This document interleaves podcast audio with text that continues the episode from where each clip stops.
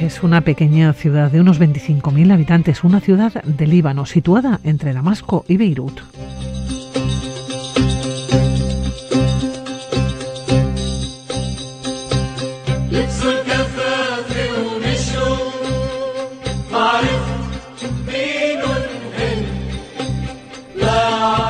Para acercarnos a Baalbek hemos seleccionado la música de Oumeima El Khalil, Xavier Bañuelos. Exactamente, Oumeima El Yalil, concretamente. Así se llama, sí.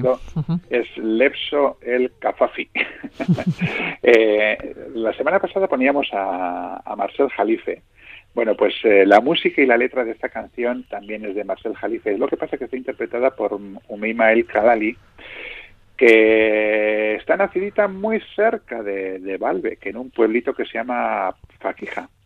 Y bueno, es la solista cantante, digamos, habitual del grupo El Mayadine, que formó Marcel Jalifa, pero luego que también canta, digamos, por, por su cuenta. Y hombre, es una de las cantantes más conocidas de, del país, ¿no? Del Líbano. Y bueno, es una voz que a mí me gusta mucho y por eso al final, pues digo, bueno, pues hemos comenzado con ella, ¿no? Vamos con un más. Continuamos en esta ciudad, es una ciudad pequeñita, decíamos, de unos 25.000 habitantes. Llegaste allá porque tenías muchas ganas de conocer eh, la ciudad, entonces estabas en Siria, ¿no? En una de tus, de tus visitas eh, habituales, te trasladaste allá. Es curioso ¿eh? que decías, no, 85 kilómetros se encuentra de Beirut, sin embargo, como una hora y tres cuartos para, para llegar. Pero una vez que llegamos allá, claro, ¿qué es lo que vemos? Y sobre todo el primer golpe de vista de esta ciudad, ¿cuál es, Javier? Grandeza, grandeza, monumentalidad. Eh, porque es, eh, es eh, digamos, los restos de, que perviven del gran santuario del Baalbek, lo que te invitan sencillamente es ascender hacia arriba. Hay que decir que vamos a hacer la visita no por orden cronológico, porque en realidad, bueno, como suele ocurrir en casi todas las construcciones de la antigüedad, eh, eh, bueno, pues son construidas a lo largo de, del tiempo, ¿no? En el concreto Balbec, pues llevó varios siglos el, el tener lo que hoy podemos podemos ver, ¿no? Entonces vamos a ir viendo los diferentes elementos en orden del recorrido, digamos, lógico, desde la entrada hasta el final, ¿no? No cronológico, porque fueron, como digo, construidos en distintas épocas. Bueno, lo primero que te encuentras... ¿Qué nos encontramos? Eso es. Según llegas allí es el santuario. ¿eh? Eh, el gran santuario de, de Balbec. Y lo que tienes enfrente es la escalineta, la escalinata y el propileo, ¿eh? que fue construido en el siglo III por el emperador Caracalla, que era el hijo de aquella Julia Domna de la que hablábamos la semana pasada, que era la mujer de Septimius Severo. ¿eh? Eh, entonces, esta escalinata lo que te invita ya es mirar hacia el cielo, mirar hacia los dioses, porque es un contrapicado enorme, que, lo que destila por todas partes es, eh, es grandeza. 30 escalones monumentales en tres tramos que te llegan hasta el propileo.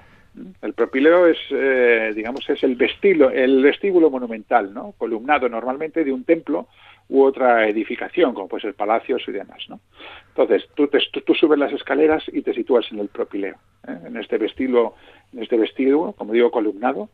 Está flanqueado por dos torres, y compuesto por paredes con hornacinas, con lesenas, que son fajas o columnas con bajo relieve sobre, sobre una pared, y un arco de entrada a lo que es el recinto sagrado. Entonces, tú, ya de entrada te has situado en esta, en el, con esta imagen de grandiosidad. Cruzas el arco del, del propileo y entras en un patio que no es un patio cualquiera, porque es un patio con forma hexagonal. ¿Eh? Es un patio con forma hexagonal que data también del siglo III, lo que pasa es que data de tiempos de Filipo el Árabe. Y es un, es un, es un patio eh, rodeado de pórticos con cuatro exedras y cuatro de cuatro columnas cada una. ¿no? Eh, las exedras eran, ¿cómo decirlo? Eran salas con asientos corridos, ¿no? Que muchas veces se utilizaban pues para pues para estar sentados y charlar, ¿no? Y además son exedras que combina, que se combinan porque las hay cuadrangulares y semicirculares. Pero bueno, ya la forma eh, no es una forma normal, no es una forma ni circular, ni, ni, ovoide, ni cuadrada, no, no. Claro, cuando llegamos allá, que, que, sí, que decías, eh, Xavier, esa escalinata y propileo, claro, llegamos allá, está en el centro, en principio, está en las afueras de la ciudad. Eh, pues está en las afueras, pero, pero en realidad está todo integrado. Bueno, es que es pequeñita la ciudad, claro. Sí, la ciudad es muy pequeña, tiene unos 25.000 habitantes. Entonces, quiero decir que, que sí, está un poquito en las afueras. Es que no sé cómo decirte, porque es que cruzas una calle y ya estás allí, ¿no? Aunque esté un poquito de afuera, no está en el centro-centro, pero, pero sí, está, está ahí mismo, o sea que, que, esto. Bueno, estoy viendo las imágenes ¿eh? de lo que nos estás contando. Sí, ¿no? Bueno, pues, pues fíjate, ya, hemos entrado en el patio, en este patio hexagonal, ¿vale? Eh, este patio hexagonal da lugar a un espacio abierto, inmenso, inmenso, que es anterior porque fue construido en época de Trajano, entre los siglos I y II. O sea que primero se había construido este gran patio y el propineo, la escalinata y el patio hexagonal se construyó después, digamos, para dar mayor monumentalidad a todo el conjunto, ¿no? Eh, a, la entrada, o sea, ya para impresionar según, según entras. Bueno, pues este gran patio, que como digo es, es un espacio abierto inmenso, eh, es ligeramente rectangular, tiene 135 metros el lado más largo, creo que luego el, lado más, en realidad es casi cuadrado, ¿eh? dijo ligeramente rectangular porque son 135, no sé si por 130, una cosa así. Eh, vale, pero está rodeado por pórticos laterales con nada menos que 128 columnas. Y luego también tiene, también tiene exedras, cuatro semicirculares y ocho rectangulares. Está repleto de nichos, que, bueno, pues eh, serían hornacinas para, para estatuas, y en el centro tiene dos enormes piscinas eh, muy, muy decoradas con medusas y cupidos. La verdad es que es una auténtica, es una auténtica preciosidad y la, nuevamente la sensación de grandeza, de amplitud que da es inmensa. Bueno, generalmente ese tipo, de, este tipo de templos es, lo, es lo que da, ¿no, Xavier? Esa sensación efectivamente de, de, majestuosidad, de, poderío es que no es no es un templo, es que es un conjunto de, es un conjunto de, por eso hablamos de santuario, ¿no? Porque tiene un, un montón de elementos diferentes, ¿no? Eh, de hecho, por ejemplo, en el, en el mismo centro de este gran patio tenemos los cimientos de lo que fue un altar antiguo, ¿no? Un viejo un viejo altar.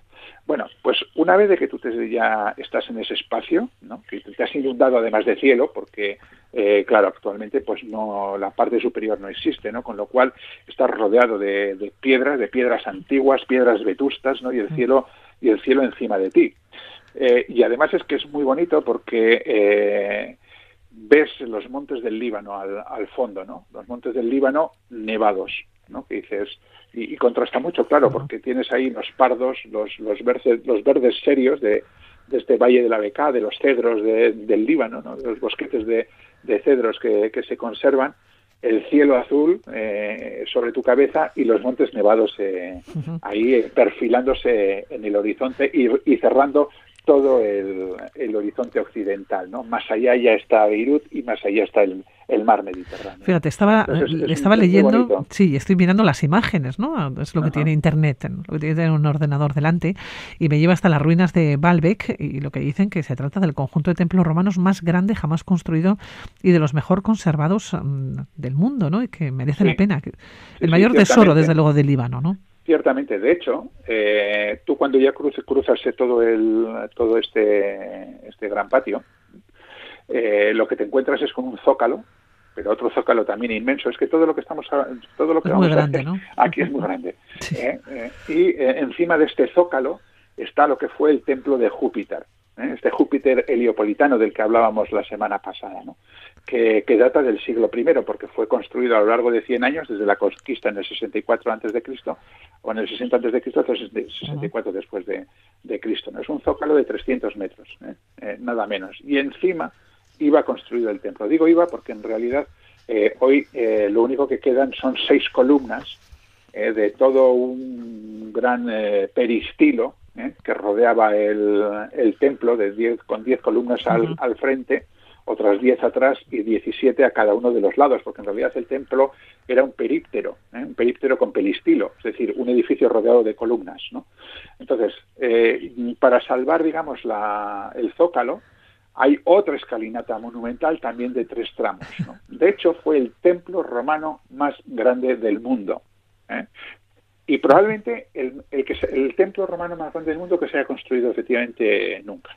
Y la, solamente, fíjate, cuando te sitúas en las seis columnas que quedan en pie, estás hablando de un diámetro de 2,20 metros. Yo tengo alguna foto en la que eh, hay algún trozo de columna caída y yo me sitúo y es bastante... Yo mido 1,92 y es me supera casi en 40 centímetros eh, el diámetro y 23 metros de, de altura.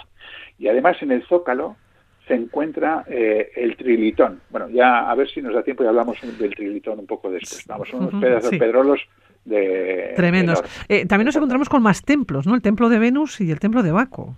El templo de Baco, eh, que este es del siglo II, de la época de Antonino Pío, lo que tiene es que está muy, muy bien conservado, está prácticamente intacto, ¿eh? prácticamente intacto, es una auténtica gozada. Está dedicado a Venus Astarte ¿eh? y luego, pues lógicamente tiene una la simbología, pues es de Diana Artemisa, Marte, Vulcano y lógicamente Baco. Y fíjate, se le llama el templo pequeño, pero es más grande que el Partenón. Lo que pasa que en comparación con el templo de Júpiter se queda pequeño. ¿eh? O sea, es, impresionante. Está elevado además sobre un podio de 5 metros, que se salva también con una escalinata de otros 33 peldaños, y es también un períptero. ¿eh? Este es un poquito más pequeño, como decimos, con 8 columnas al frente y 15 a los lados, que se elevan a una altura de 19 metros. Pero claro, lo que tiene este es que está entero, es que se ve, es que está tal cual, ¿no? Con su períptero, con su propileo, con su cela, eh, y además está decorado de una manera muy profusa con una factura de gran calidad, ¿no? especialmente lo que son los frisos de los techos y, la entrada, ¿no? que están pues, bueno, dedicados a Baco y a, Mercurio, con lo cual el conjunto es de una belleza sublime. O sea, es uno de los mejores templos romanos que se pueden ver en el mundo. Bueno, tenemos una cita, desde, sí, desde luego para ir, eh, pero claro, me pregunto, ¿cuándo, cuánto y cómo? A ver. Las tres pues, Cs, vamos a ver con Yo creo que la, mejor época para ir es, eh, evitar el verano, ¿eh? porque va a ser calor. Eh, antes era, como decíamos la semana antes, era fácil hacer una excursión desde Damasco. Hoy de eso olvídate, pero vamos, se puede llegar desde, desde Beirut alquilando un coche o en una excursión organizada, que no sé, viene a salir entre 100 200 dólares más o menos, y luego también hay transporte público eh, dentro del pueblo, ¿no? A través de, bueno, el transporte público también te lleva hasta el pueblo, pero hay que tener en cuenta que no te dejan en el centro de la ciudad, ¿eh? te dejan un poco en las afueras, con lo cual habría que hacer el resto de camino andando. Pero bueno, está bien. En, un, en una tarde o en media mañana se puede, se puede hacer sin ningún problema. Y si prefieres estar más tiempo, pues se puede hacer noche, porque hay un par de hoteles bastante majos. Luego tampoco hay problemas, ¿eh? ni para comer, ni para encontrar agua, ni nada. O sea que la visita es muy sencilla ¿eh? desde, desde Beirut. Eh, claro, nos decías en cualquier época, pero mejor evitar el verano. Pero hay un festival internacional de música, ¿no? En julio-agosto. Que puede ser un buen momento, claro. Sí, sí, claro, sí, sí, eso, eso es verdad. Eh, si quieres ir al Festival Internacional de Música hay que ir en, en julio y en agosto, que bueno, la verdad es que dentro de, de los eh, festivales de música se celebran dentro de, o sea, en lo que es el, el orbe árabe, eh, está muy bien, es, es, de los es de los mejores. Hombre, durante la guerra civil lógicamente se dejó de celebrar, pero bueno, se recuperó posteriormente, creo que a mediados de, de los 90 y que yo sepa, digo porque no lo, no lo he ido siguiendo por necesariamente, pero vamos, yo la última vez que estuve, que fue, no sé, hace cuatro, cinco, cinco años más o menos, se seguía celebrando, o sea que me imagino que sí, que, se seguirá celebrando y, tiene, tiene muy buena fama el, festival. Nos planteamos entonces acercarnos hasta Balbec. Mm, vuelo directo, desde luego, no vamos a tener, ni muchísimo menos, ¿no? Pero eh, sí podemos acercarnos. a lo, de Sirio ha quitado, pero a Beirut, eh, sin problema, no es difícil, ¿no? es difícil volar, ¿eh? Se vuela vía París, por ejemplo, vía Londres, no, no, hay, no hay mucho problema. Pues tendremos, esa será nuestro siguiente cita, ¿no? Nuestro siguiente destino. Saber Bañuelos, hasta la próxima. Venga. Agur, agur.